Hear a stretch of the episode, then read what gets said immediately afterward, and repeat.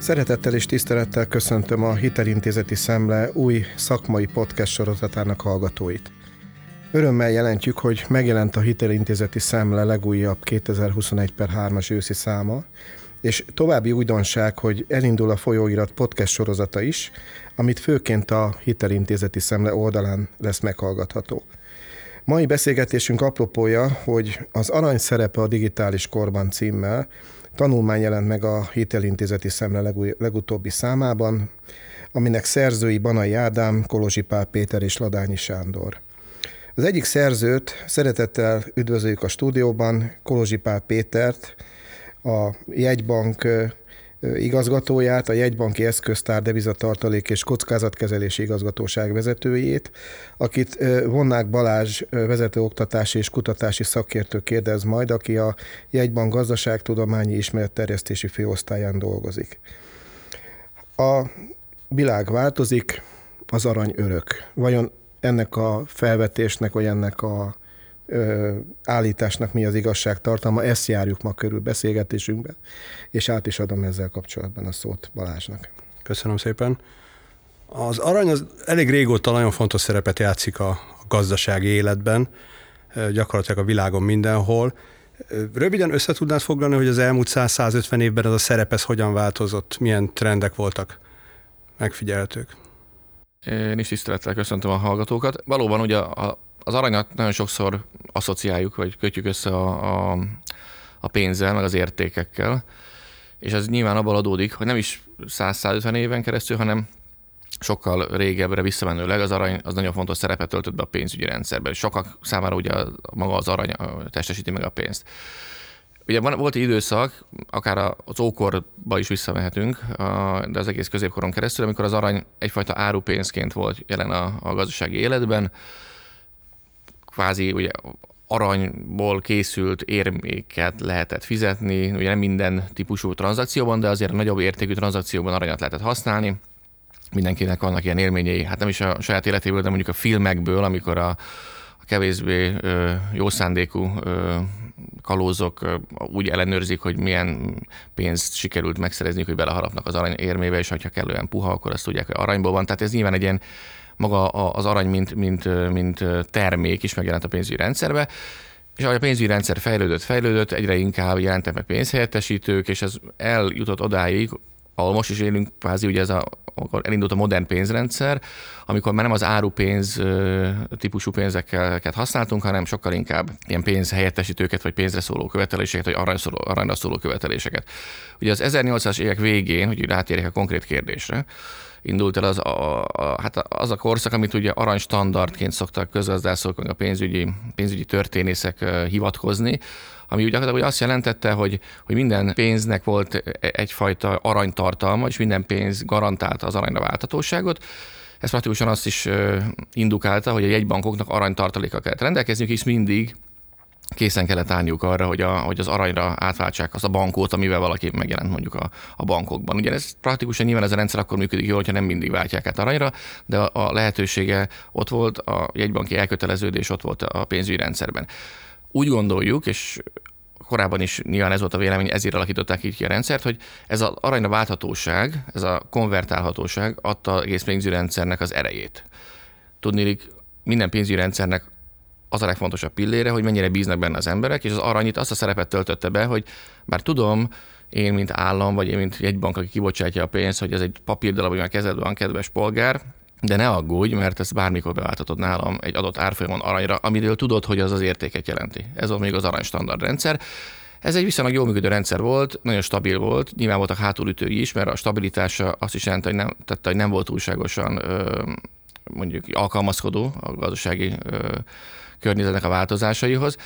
De végső soron nem ez, nem ez sodorta el, hanem az, hogy jött az első világháború 1914-ben kirobbant egy nagy konfliktus, ami nyilván az egész pénzügyi rendszert is felborította és összekuszálta a szálakat, sőt az egésznek a végére ugye úgy jutott ki Európa ebből most csak pénzügyi értelemben, hogy az arany készletek nagyon nagy mértékben átstruktúrálódtak, tehát nagy része elment az Egyesült Államokba. Tehát az a rendszer, ami korábban volt, és az volt az alapja, hogy minden jegybank tart szignifikáns mennyiségű aranyat azért, hogy át tudja váltani a pénzt aranyra, ez nem tudott működni, hisz nem voltak már ott az, az aranykészletek, ahol korábban voltak.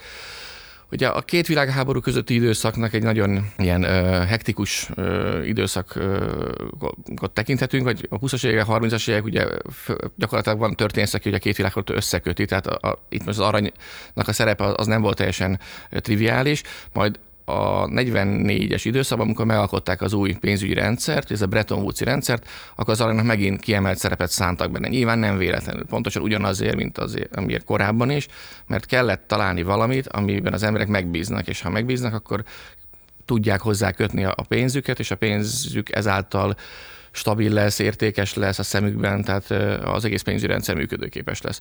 Ugye ez a Bretton Woods-i rendszer működött 1971-ig, amikor különben pont most volt ugye 50 évvel ezelőtt, augusztus közepén, Richard Nixon amerikai elnök televíziós beszédet tartott, és bejelentette azt, hogy felfüggesztik a dollárnak az aranyra váltatóságát, hisz ebben a rendszerben, a Bretton Woods rendszerben a dollárnak volt egy ilyen rögzített árfolyam az aranyjal szembe, vagy az aranynak a dollárral szembe. De ezt az amerikaiak úgy ítélték meg a 70-es évek elején, ugye 71-ben, hogy ez az, az ő pénzügyi rendszerüket veszélyeztet, és ezen föl kell lépni, ezért ezt megszüntették. Ugye ez egy olyan pillanat volt, hogy sokan Nixon soknak hívják a pénzügyi rendszerbe, amit még azóta is sokan elemeznek, sokan akár kritizálnak, de minden esetre valahogy megpróbálják értelmezni, mert ez olyan nagy váltás volt a pénzügyi rendszerben, hogy, hogy nyugodtan lehet ilyen sok hatásként hivatkozni rá, hogy az előbb is említettem. Tehát hivatalosan 1971-ben, tehát 50 évvel ezelőtt gyakorlatilag a pénzügyi rendszerből kikerült az arany, abban az értelemben, hogy korábban benne volt, de a mi cikkünk pont arról szól, különben a pénzügyi, a, a hitelintézet szemleiben, hogy, ö, hogy valamilyen szinten mégis benne maradt a pénzügyi rendszerbe. A tartalékkezelésben, az emberek fejében, az emberi gondolatokban, a pszichében, hogy az arany még mindig kötjük a, a, a pénzhez és a, a bizalomhoz, és pontosan ezek a tulajdonsági azok, amikből arra következhetünk különben a cikkben, hogy a digitális korban is van ö, szerepe, vagy van tere az aranynak. De mit tette ezt lehetővé, vagy szükségessé, hogy az arany így eltűnjön a a pénz mögül, vagy másképp megfogalmazva a kérdést, miért nem következhetett ez be mondjuk 200 évvel ezelőtt, vagy 100 évvel ezelőtt, Miért bíznak meg az emberek továbbra is a pénzben, hogyha nincsen ott mögötte az arany? Mit ér egyáltalán a pénz? Az mire szóló követelés? Az régen vagy közvetlenül, vagy közvetettem valami aranyra szóló követelés volt. Most én mit követelhetek a jegybanktól azzal, hogy nekem van egy ezer forintos bankjegyem mondjuk a kezembe? Hát ez, ezek messze menő kérdések, vagy sokáig kell visszanyúlni, hogy megválaszoljuk őket. Én azt gondolom, hogy viszonylag régóta foglalkozunk itt az MNB-ben a pénzzel, meg ugye minden bankban, meg egy bankban sokat foglalkoznak a pénzzel, de mindig visszakanyarodunk sok elemzésünkben, vagy gondolkodásunk során ahhoz, hogy is mi az, hogy pénz. Meg mit jelent az, hogy pénz? Meg mi a pénz? És ez nem olyan triviális ám megmondani, hogy mi adja az értéket a pénznek, sokfajta definíció van. Ugye régen evidens volt, ami például árupénzrendszer volt, volt egy nemesfém, az arany, ami viszonylag kevés volt belőle, szép volt, megőrizte az értékét, megőrizte a, fizikai tulajdonságait, nem lehetett végtelen mennyiségben előállítani, ugye voltak rá próbálkozások, az alkimisták próbáltak ugye aranyat előállítani, elég híres alkimisták is voltak, akik a fizikában elég nagy nevekké váltak, de ugye nem sikerült, hisz ez nem lehetett megoldani, de praktikusan volt valami, ami, amire azt gondoltuk, hogy értéket jelent, csillogott, szép volt a színe, stb. Így lehetett hozzá, lehetett hozzá asszociálni ezt az értékképzetet, és ezért lehetett rá az egész pénzügyi rendszert építeni. De végső soron azért belegondolunk, nem föltétlenül az a lényeg, hogy a pénzügyi rendszernek a működésében, hogy valami nagyon értékes tárgy legyen a végén, hanem igazából egy darab fontos dolog van a pénzügyi rendszer működésénél, az, hogy a bizalom áthassa a pénzügyi rendszer. Tehát az, hogy megbízunk a pénzbe. Higgy, higgyük el azt, hogy amit pénzként használunk, ami nem föltétlenül csillog, hanem lehet, hogy csak egy darab papír, higgyük el azt, hogy ezzel a pénzzel e, mi, mi is tudunk majd esetleg fizetni például. Tehát most is lehetne mondani közgazdászul, hogy betölti a pénzfunkciókat, hogy félre lehet tenni, értékmérés lehet vele csinálni, lehet benne hitelezni, lehet benne megtakarítani, lehet benne fizetni, időben akár eltolva is de praktikusan mégis az a lényeg, hogy meg elhiggyem azt, hogy amit én pénzként fogadok el, azt én pénzként tudom továbbiakban is használni, nagyjából azon az értéken, legalábbis is a stabil értéken ahhoz képest, mint ahol megkaptam. Ez korábban nyilván nem egy tudatos folyamatként alakult ki, hogy az aranyhoz kössék, de valamihez lehetett kötni, és például az arany adta magát, mint ilyen értékes valami. Ahogy a pénzügyi rendszer viszont fejlődött, egyre inkább jött elő, hogy nem föltétlenül kell egy nemesfémhez kötni egy pénzt ahhoz, hogy ezek a tulajdonságok jellemzői legyenek, hanem elég, ha csak megbízunk benne. És az kérdés, hogy mi biztosítja a bizalmat, ha nem maga az nemes fém, amit amúgy is szeretünk, tetszik nekünk, csillog, kevés van belőle, stb. Tehát csomó olyan tulajdonsága van, ami alkalmasá teszi az, a, a, arra, hogy elhiggyük róla, hogy az értékét megőrzi. De például ugye az derült ki az utóbbi pár száz évben, hogy ezt praktikusan mondjuk egyfajta intézményi bizalom is tudja helyettesíteni. Tehát én elhiszem például abban a közösségben, ahol élek, hogy a közösséget összefogó, mondjuk hívjuk úgy állam, garantálja azt, hogy én azt egy darab papírt, ami bizonyos jelekkel megkülönböztethető más darab papíroktól, azt úgy tudom használni, hogy abban én nyugodtan bízhatok, és a pénzfunkciókat el tudja látni, akkor ez igazából működőképes lesz. Tehát Gazdaságilag igazából nem föltétlenül kell egy nemes fémnek lenni a pénz mögött. Az a lényeg, hogy legyen bizalom a pénzben. Ha ezt nemes fém adja, akkor az adja, ha pedig mondjuk az állam adja, aki garantálja azt, hogy a pénzként használt eszközt teszünk, teszem azt mondjuk egy digitális jel manapság, vagy korábban egy darab papír, ugyanez a funkciókat belássa, akkor igazából ugyanúgy be tudja látni. Tehát én azt gondolom, hogy az, hogy az arany kipörögjön a pénzügyi rendszerből, ahogy szoktuk mondani, ez a demonetizálódása az aranynak, ez az kellett, hogy eljusson odáig a pénzügyi rendszerek a fejlődése, meg a, a tudati fejlődés is, is, hogy el tudjon szakadni, és elhiggyék azt az emberek, hogy nem kell aranynak lenni mögött, a pénz mögött, hogy ez működőképes pénz legyen, elég, ha csak bízunk benne, és azt a bizalmat esetleg a pénzügyi rendszer garantáló ö, állam is tudja adni. És úgy fest, hogy ez a 70-es években érte el ezt, ezt a pontot. Nyilván nem lehet ezt egy napra pontosan meghatározni, miért pont akkor, de látható, hogyha már nem vagy történész, de végignézzük a pénzügyi piacotnak a történelmét, vagy az aranynak a történelmét, az lehet látni azért, hogy nehezen engedte el a világ az aranyat a pénz mögül, és feltételezhetően azért, mert nem lehetett biztos benne, hogy elengedi az aranyat a pénz mögül, akkor mennyire lesz sima az átmenet, amikor már az arany nélkül is jól tud működni a pénzügyi rendszer. Most így tud működni, de ezért erre kellett, kellett készülni itt a jelek szerint. Akkor ezek alapján ez a lépés vagy ez a kulturális ugrás, hogy, hogy működik úgyis a pénzügyi rendszer, és lehet úgy, úgy is élni, egy gazdaságot üzemeltetni, hogy nincsen benne arany, akkor ez nagyon fontos lépés volt, és egy nagyon nagy előrelépés volt. Viszont ennek a fényében nekem a következő kérdésem az lenne, hogy a, a jegybankok miért tartanak még most is aranyat? Mi az, ami miatt még az arany az fontos? Csak megszokásból, vagy ennek valami, valami jó megalapozott közgazdasági oka van? Nem hiszem, hogy csak megszokásból tartanák, mert ha megszokásból tartanák, akkor, akkor kevesebben tartanák, és nem növelnék mondjuk az arányt, mint amit az utóbbi időszakban lehet látni. Tehát én biztos, hogy valami olyan típusú ö, érvet vagy magyarázatot keresnék az aranytartalékok mögött, ami túlmutat a, a megszokásokon. Azt gondolom, hogy a, ha visszakanyarodunk az eddig elmondottakra, az, az, hogy az arany ezer, vagy akár több ezer éven keresztül be tudott tölteni bizonyos funkciókat, és az emberi gondolkodásban is, meg az emberi kultúrában is az irodalomtól a művészeteken át egyfajta speciális helyet foglal el, az összességében nagyon alkalmassá teszi arra, hogy egy speciális eszközként tekintsünk rá, ne úgy, mint a többi dologra. Egyszerűen azért ne tekintsünk rá ugyanúgy, mert az emberek sem tekintenek ugyanúgy rá. És ha elfogadjuk, hogy a pénzügyi rendszer, meg a pénznek az alapja a bizalom, ami nem egy racionális kategória, vagy nem egy közösségi kategória, akkor azt kell igazán megnéznünk, hogy a bizalom, amilyen kapcsolata van az aranynak. És azt látjuk, hogy az aranyban bíznak az emberek, mert, az em- mert a bizalom az végsősoron egy emberi cselekvés, tehát az nem, nem egy, hogy mondjam, egy fizikai törvényszerűség, hanem ez egy tudatos vagy nem tudatos döntéseknek az eredménye. Tehát ha azt látjuk, hogy az aranyban bíznak, akkor arra lehet a pénzügyi rendszerben építeni. Nem csak aranyban lehet bízni, hisz nem csak egy dologba bízhatunk, de ha az aranyban bíznak, akkor az lehet egy pillére pénzügyi rendszernek, és van helye a pénzügyi rendszerben. Minden olyan dolognak, amivel nem lehet megbízni, annak nincs helye a pénzügyi rendszerben. Ugye gyakori párhuzam ez a kriptoeszközök versus arany, mert vannak bizonyos tulajdonságok, amikben mondjuk hasonlóak, de összességében, ha belegondolunk, az biztos, hogy ebben a tekintetben nagy az eltérés, mert az arany mondjuk megtestesíti a bizalmat, egy kriptoeszközök tipikusan megtestesítik a vagy a bizalmatlanságot, de mondjuk a, a kockázatosságot, meg a, a nagyon nagy változékonyságot, meg nem tudom, hogy mi lesz vele holnapnak az érzését. Tehát azt gondolom, hogy az aranynak igazából a, a szerepét, vagy a, a mostani helyét az igazából az jelöli ki, hogy ha körbenézünk, vagy magunkba tekintünk, vagy csak megnézzük, hogy hogyan gondolkodnak az emberek az aranyról, akkor azt látjuk, hogy az aranyban az emberek bíznak. Ha valamiért ez a bizalom kialakult, már pedig ez egy történelmileg kialakult tény, ami kör, körbenézünk a világba, szinte kultúrától függetlenül valamilyen szinten találkozunk ebben a fajta bizalommal, az azt jelenti, hogy az arany alkalmas arra, hogy a pénzügyi rendszerben egy speciális szerepet töltsön be. Ne olyat, mint a többi ö, fém például.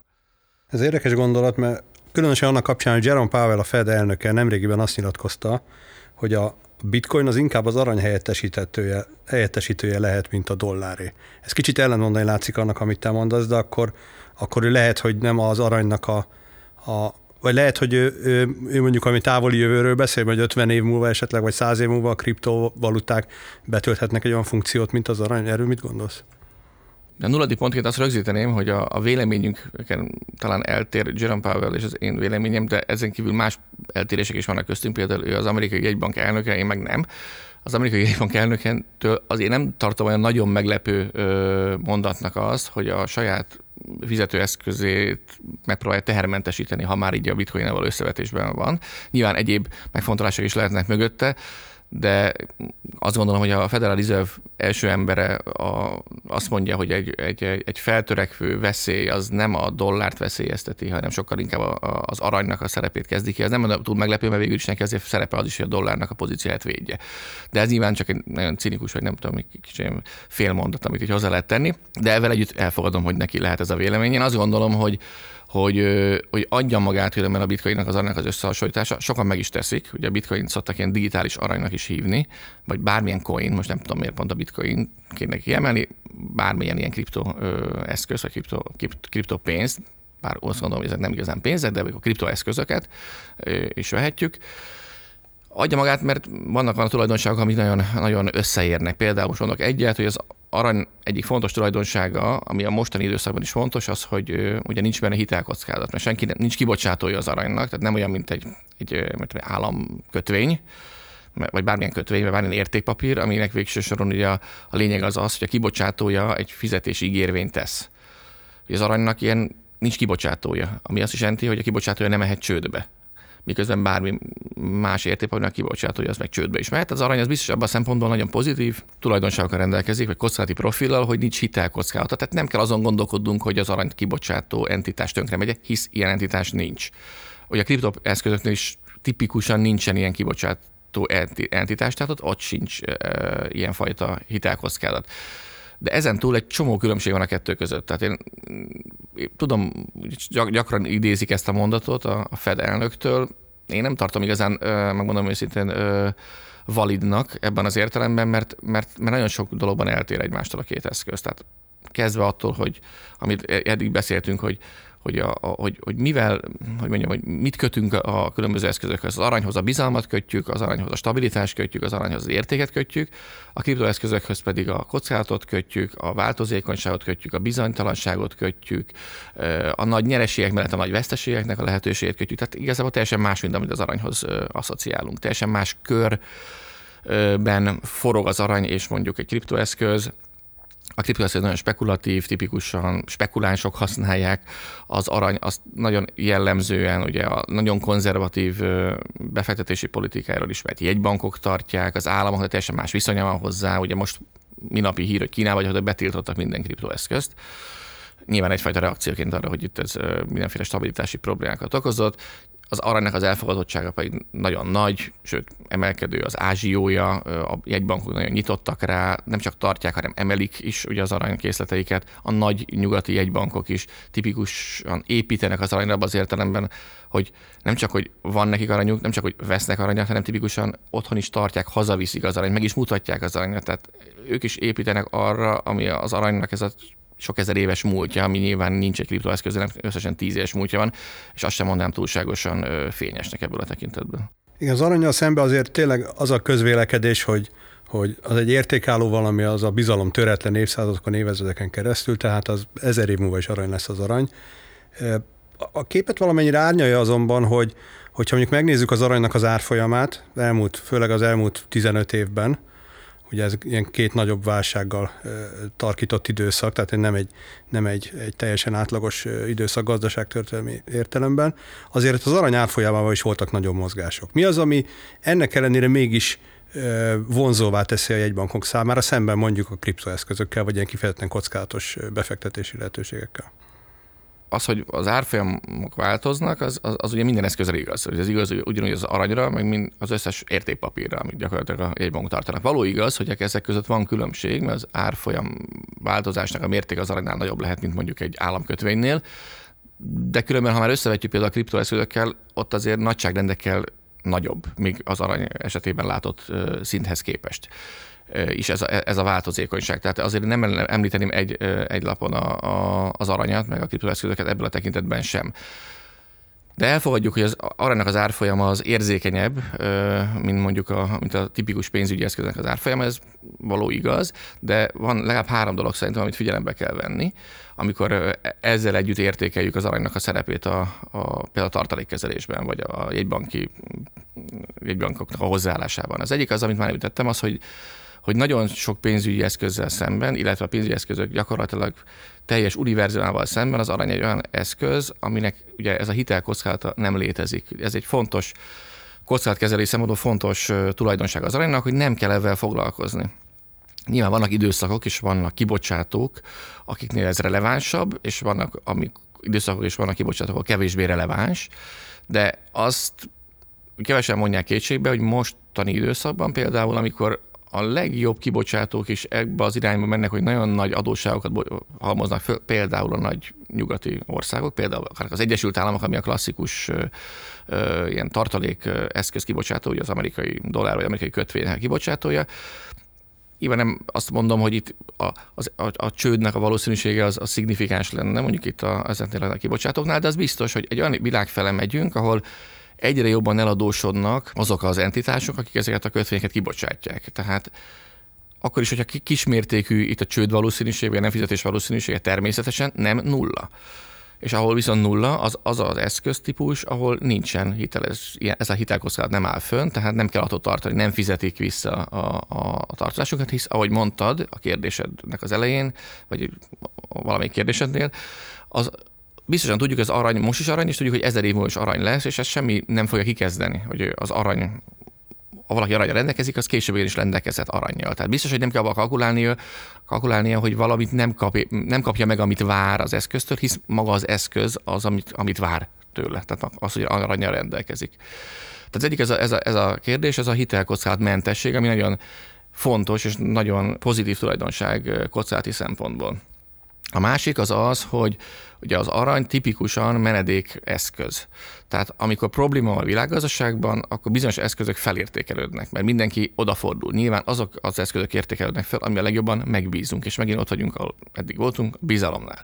Tehát, hogyha probléma van a gazdaságban, meg bizonytalanság van a gazdaságban, meg kockázatokkal szembesülünk, meg azt látjuk, hogy a, ahol eddig tartottuk a pénzünket, ahol nem tudjuk, hogy mi lesz, akkor keresünk egy eszközt, amivel tudjuk, hogy mi lesz ezer év múlva is arany lesz, ahogy az előbb is mondtam. És nyilván az ember ezer évre nem szokott tervezni, bár jó lenne, ha tervezhetnénk, de ez biztos, hogy ha az meg lehet figyelni az elméleten túl, a számokban is, meg a statisztikákban is, hogyha problémás időszak van a gazdaságban, bizonytalanság van, akkor az arany szerepe felértékelődik. Az aranynak tipikus az árfolyam is emelkedni szokott, de mondjuk így, hogy kicsit szoftabban fogalmazunk, a figyelem, a befektetői figyelem az arany felé fordul. Ez mindig is lehetett látni, azt gondolom nem kell nagyon magyarázni, hogy mostani időszak bizonytalan időszak. Egy, egy olyan válság év után, vagy másfél év után vagyunk, amit egy gyakorlatilag egy, egy pandémiás helyzet alakított ki. Az egész nyugati világ kerekle nyílt szemmel figyelte, hogy mi történik, mert száz éve nem látott ilyet nagyjából. Ugye a keleti országoknak ez egy sokkal inkább mondjuk megélt valósága volt az utóbbi évtizedekben, hogy a nyugati világban nem.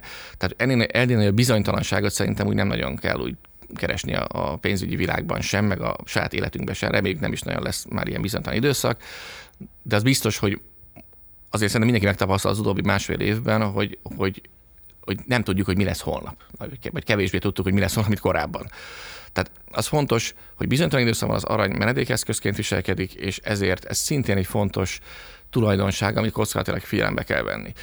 És van egy harmadik, ami ami szintén nagyon fontos tulajdonság az aranynál, az pedig az, hogy amit megtanítanak különben már az egyetemi pénzügyi kurzusoknak az legelején talán, az, hogy nem, az, arra az a tulajdonságot, hogy nagyon jól diversifikál, azt szoktuk mondani, tehát az, amikor ember megtakarításokat képez, hogy portfóliót kezel, akkor nem egyenként kell nézni az eszközöknek a, a tulajdonságait, hanem azt kell nézni, a különböző eszközök, amiket tart a portfóliójában, akár pénzügyi eszközök, azok egymáshoz képes hogyan mozognak. Mert ha valami nagyon változékony, de pont ellentétesen változik, mint mondjuk egy másik eszköz, ami szintén változékony, akkor a kettőnek az eredője az az, hogy az egész portfólió nagyon stabil. Tehát én azt gondolom, hogy valóban, ha csak kiemeljük az aranyat a, a, a környezetéből, és nagyon szeparáltan vizsgáljuk, akkor változékonyabb eszközt találunk, mint, mint ha egy államkötvényt emelnénk ki, de az előbb említett három okból kifolyólag ezt nem szabad így, így vizsgálni, tehát ez nem egy professzionális, hogy mondjam, portfólió kezelési szemlélet lenne, hogyha, hogyha kiemelnék egyenként a különböző eszközeinket. Ez pont arról szól a portfólió kezelés, hogy állítsuk össze egy olyan mixet a különböző eszközökből, ami összességében egy stabil, kiszámítható, biztonságos megtakarítási lehetőséget ad. És az arany ebben, ebben nagyon jól, jól tud illeszkedni, mert nagyon jól megfigyelhető tulajdonságai vannak, amiket az előbb már említettem. Mindazonáltal az aranynak a súlya ezekben a jegybanki tartalékportfóliókban azért akkor, ha jól értem, egyre nő, az elmúlt időszakban a növekvő tendenciát mutatott. Mi magyarázza ezt? Az, hogy túlzottan alulértékelték a szerepét mondjuk 30-40 évvel ezelőtt, vagy pedig az, hogy most a jegybankok azt gondolják, hogy a következő időszak az, az egy olyan időszak lesz, amikor nagyon sok válságra kell számítanunk, amikor ugye az arany egy nagyon, nagyon fontos és egy, egy nagyon jó tulajdonságokkal rendelkező befektetés nem venném a bátorságot, hogy elmondjam, hogy a többi jegyben mit gondol, én azt el tudom mondani, hogy én nagyjából mit gondolok, és azt is igazából be rövidre fogni, mert, mert nem akarom ismételni magam a parábekhoz képest. Én azt gondolom, hogy nagyon logikus dolog, hogy egy ilyen bizonytalan időszakban nyitnak az arany felé a, a jegybankok, vagy nem csak a jegybankok, bármilyen befektetői kör. Mert bizonytalan időszakban olyan eszközöket kell keresni, amik bizonyosságot adnak, vagy biztonságot adnak, vagy stabilitást adnak, és olyan eszközöket kell keresni, ami bizonytalan időszakban viselkednek jól. Tehát az, hogy nem korábban kezdték ezeket az aranypozíciót felépíteni, vagy, vagy most került előtérbe az arany, azt szerintem alapvetően abban van összefüggésben, hogy a világról alkotott képünk megváltozott. Eddig a világot sokáig, például tipikusan 2008 előtt egy, egy stabil, kiszámítható, kontrollálható valaminek tartottuk, most meg azt látjuk, hogy a világ az sokkal bizonytalanabb, sokkal inkább, sokkal kevésbé tudjuk megmondani, mi fog történni, sokkal inkább azt tudjuk megmondani, mi történhet bizonyos valószínűségekkel, és akkor ebből kialakul egy világképünk, de sokkal bizonytalanabbnak látjuk a jövőt mindenki, mert egyszer megtapasztaltuk, hogy bármennyire is azt gondoltuk, hogy a, az életünk kiszámítható, nem annyira igaz ez a tézis. És ezért olyan eszközök felé fordulunk, amik ehhez az új, hogy mondjam, percepcióhoz jobban éleszkednek. Most két nagy eseményt emelek ki az utóbbi mondjuk másfél évtizedből, hogy ez ez a 2008-as válság, rádöbbent a világ arra, hogy a pénzügyi rendszer, meg a pénzgazdaság abban a formában, hogy működtettük, az egy nem, inherensen nem, nem egy nagyon stabil valami. Tehát az ki tud zökkenni a saját kerékvágásságból, az államok nem mindig képesek, vagy nem mindig jól menedzselik ezeket a folyamatokat, nem mindig képesek ezeket kontrollat tartani. Elképzelhető a helyzet, hogy a pénzügyi rendszer válságba kerül, amiről sokáig azt megelőző időszakban szinte azt kezdtük gondolni, hogy ilyen nincsen, mert kisimultak a ciklusok, ugye nincsen infláció, növekedés, az úgy van. Tehát, hogy jól mennek a dolgok. Ugye volt egy ilyen időszak a 2008-as válság előtt. Tehát 2008-as tapasztalata az volt, hogy ó, ó, a világ bizonytalan, hisz még az általunk kreált valóságot sem tudjuk, ami a gazdaság sem tudjuk igazán kontrollálni. Akkor mi történt 2020-ban? Rájöttünk arra, hogy az hagyján, hogy még az általunk kreáltat nem tudjuk kontrollálni, de a, az élet nem csak az általunk kreált általunk, ált, általunk kreált valóságból áll, hanem abból is, ami minket körülvesz, például a természeti környezetet, például a vírusokat, például az, a közegészségügyi helyzetet, stb. stb., amik mind-mind olyan dolgok, amik kívül esnek, legalábbis bizonyos ide ideig, remélhetőleg ugye a technológiai, meg kutatási kapacitások eljutnak odáig, hogy csak egy ideig, de kívül esnek a kontrollunkon. És hogyha még egyet mondok, és az a plusz egy, egyre inkább abban gondolkodik a világ, hogy ugye van még egy szempont, ami nagyon nagy bizonytalanságot vissza az egész ö, életünkbe, ez pedig ez a környezeti fenntartóság, a zöld gondolat. Kezdünk rájönni arra, az hagyján, hogy a pénzügyi világot, a gazdaságot nem tudjuk jól kontrollálni, az hagyján, hogy vírusok tudnak megtámadni minket, amik csak bizonyos idő után tudunk kreálni, de az is elképzelhető az egész környezetünk, mármint hogy a, a természeti környezetünk oly mértékben változik meg, amit most egyre nem tudunk elképzelni. Most megpróbálunk úgy ellene tenni valamit, megpróbáltunk zöld lépéseket tenni, ugye egyre erősebb erre az igény, de az biztos, hogy mindenkiben benne van, hogy a bizonytalanság nagyon nagy. Tehát én azt gondolom, hogy sokkal inkább egy olyan világ fele megyünk, ahol bizonytalanságok vannak, kockázatok vannak, valószínűségek vannak, és sokkal, sokkal kevésbé van bizonyosság, mint korábban. És ez meg megágyaz annak, hogy az arany fele forduljunk. Hisz pont ilyen időszakra van kitalálva az arany, hogy így mondjam. És mit érez, mit, hogyan érezheti az átlagpolgár azt a saját bőrén, hogy az ő jegybankja, vagy a világ jegybankjai ismételten az arany felé fordultak, és ezáltal egy stabilabb rendszert próbálnak kiépíteni. Ez hogyan jelenik meg a, a, a kisembernek az életébe? Érező ebből bármit, akár azonnal, vagy, vagy pedig egy olyan szituációban, amikor ne hogy Isten egy nagyobb válság lesz, majd akkor fogja ennek az áldásos hatását megfigyelni? Nyilván úgy nem érzi az átlagember, hogy most, vegyük Magyarország példát, Magyarországon is 2018 előtt a Magyar Nemzeti Bank aranytartalék az nagyjából három tonna volt, most pedig majdnem 100 tonna arany. Ez most abban az értelemben, hogy a, az ember zsebében nyúl, hogy a több aranya van, mint tegnap, vagy mint három évvel ezelőtt, akkor nyilván nem talál benne aranyat, mert ezt a Nemzeti Bank kezeli, ez, ez a magyar államnak az, az aranytartaléka. De abban az értelemben talán fontos, hogy, hogy az arany, mint már nagyon sokszor említettük a mai beszélgetés során, egy bizalomépítő tényező, tehát egy bizalomépítő eszköz. Minden olyan lehetőséget meg kell ragadni az államnak, ideértve egy bankokat is, ami a belévetett bizalmat növelés. Nem csak azért, mert jó dolog, ha bíznak bennünk, mert ugye mint egy bankon dolgozunk, és örülünk, ha megbíznak bennünk, mert ez lelkileg nekünk kellemes, hanem azért is, mert mi akkor tudjuk jól ellátni a munkánkat, és akkor tudjuk stabilizálni a pénzügyi rendszert, akkor tudjuk az árstabilitást elérni, ha megbíznak bennünk.